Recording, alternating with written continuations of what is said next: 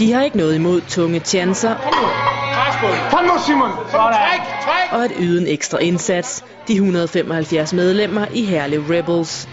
Og det gælder ikke kun i træningslokalet, for også udenfor er de klar til at trække i arbejdstøjet. For at holde klubben oven vandet og, og køre det hele og få det til at fungere så godt som det overhovedet kan, så bliver vi alle sammen nødt til at være en del af det og hjælpe til.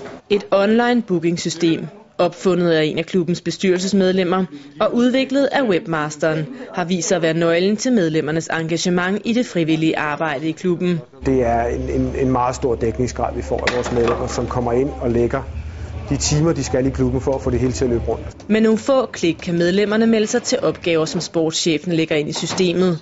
Eneste krav er, at samtlige medlemmer skal have optjent 400 point hver, inden året er omme. Man føler, man er en, en større del af det, fordi at man får selv lov til at vælge de opgaver, man har lyst til. Øh, så man føler sig aldrig tvunget til det, man skal ud og, og udføre.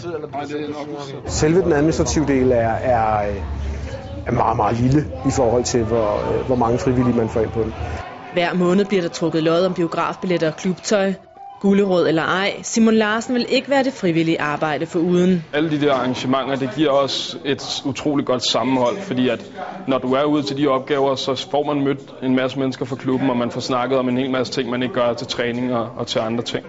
Gevinsterne, som Herlev Rebels har høstet på grund af online-systemet, kan måle sig med pokalerne på hylden. Når de har lært det her system at kende, så skal man ikke bruge særlig meget tid på at, at motivere folk og opfordre folk, fordi de ved, at de skal lave nogle point, og jo før de er ude, jo bedre opgaver kan de vælge til sig selv.